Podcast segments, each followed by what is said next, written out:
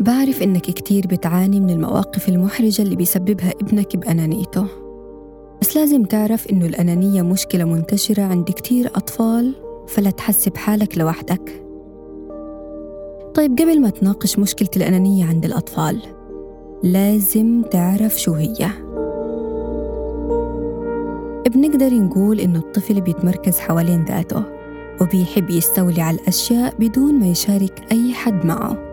وهالسلوك بيختلف حسب العمر.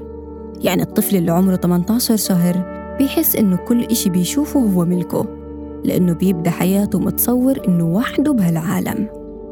وبتشتد الأنانية أكتر بعمر الثلاث لأربع سنوات. بعدين بتبدأ تقل بسن السبعة لثمان سنوات وبيصير مآمن بفكرة المشاركة. طيب شو ممكن يكون دافع الطفل للأنانية؟ أول إشي إحساسه بإنه مهمل من اللي حواليه فبيهتم بشخصيته وبأشيائه. وكمان لما يحس بالعجز وإنه مش واثق من حاله فبيتصرف كأنه عايش لحاله وما بيهتم بحد. والتدليل الزايد بخلي الطفل مكتفي بذاته وما بيحب يشارك الآخرين. أنت الآن بتسأل حالك كيف أعالج ابني من مشكلة الأنانية؟ نمي روح المشاركة عنده لحتى يصير منخرط أكتر ويقلل تمحوره حوالين حاله. اتكلم معه عن مميزاته وامدحه على كل نجاح لتقوي ثقته بنفسه. اتقبل الطفل زي ما هو. وحبه حب مش مشروط. وعلمه كيف يحترم الناس ويتعاطف معاهم.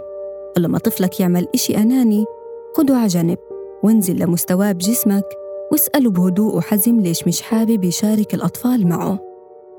وقول له إنك بتتوقع يعامل الناس أحسن. واسأله شو ممكن يكون بديل الأنانية.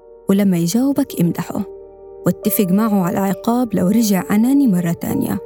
وكافئه لما يشارك الأطفال التانيين.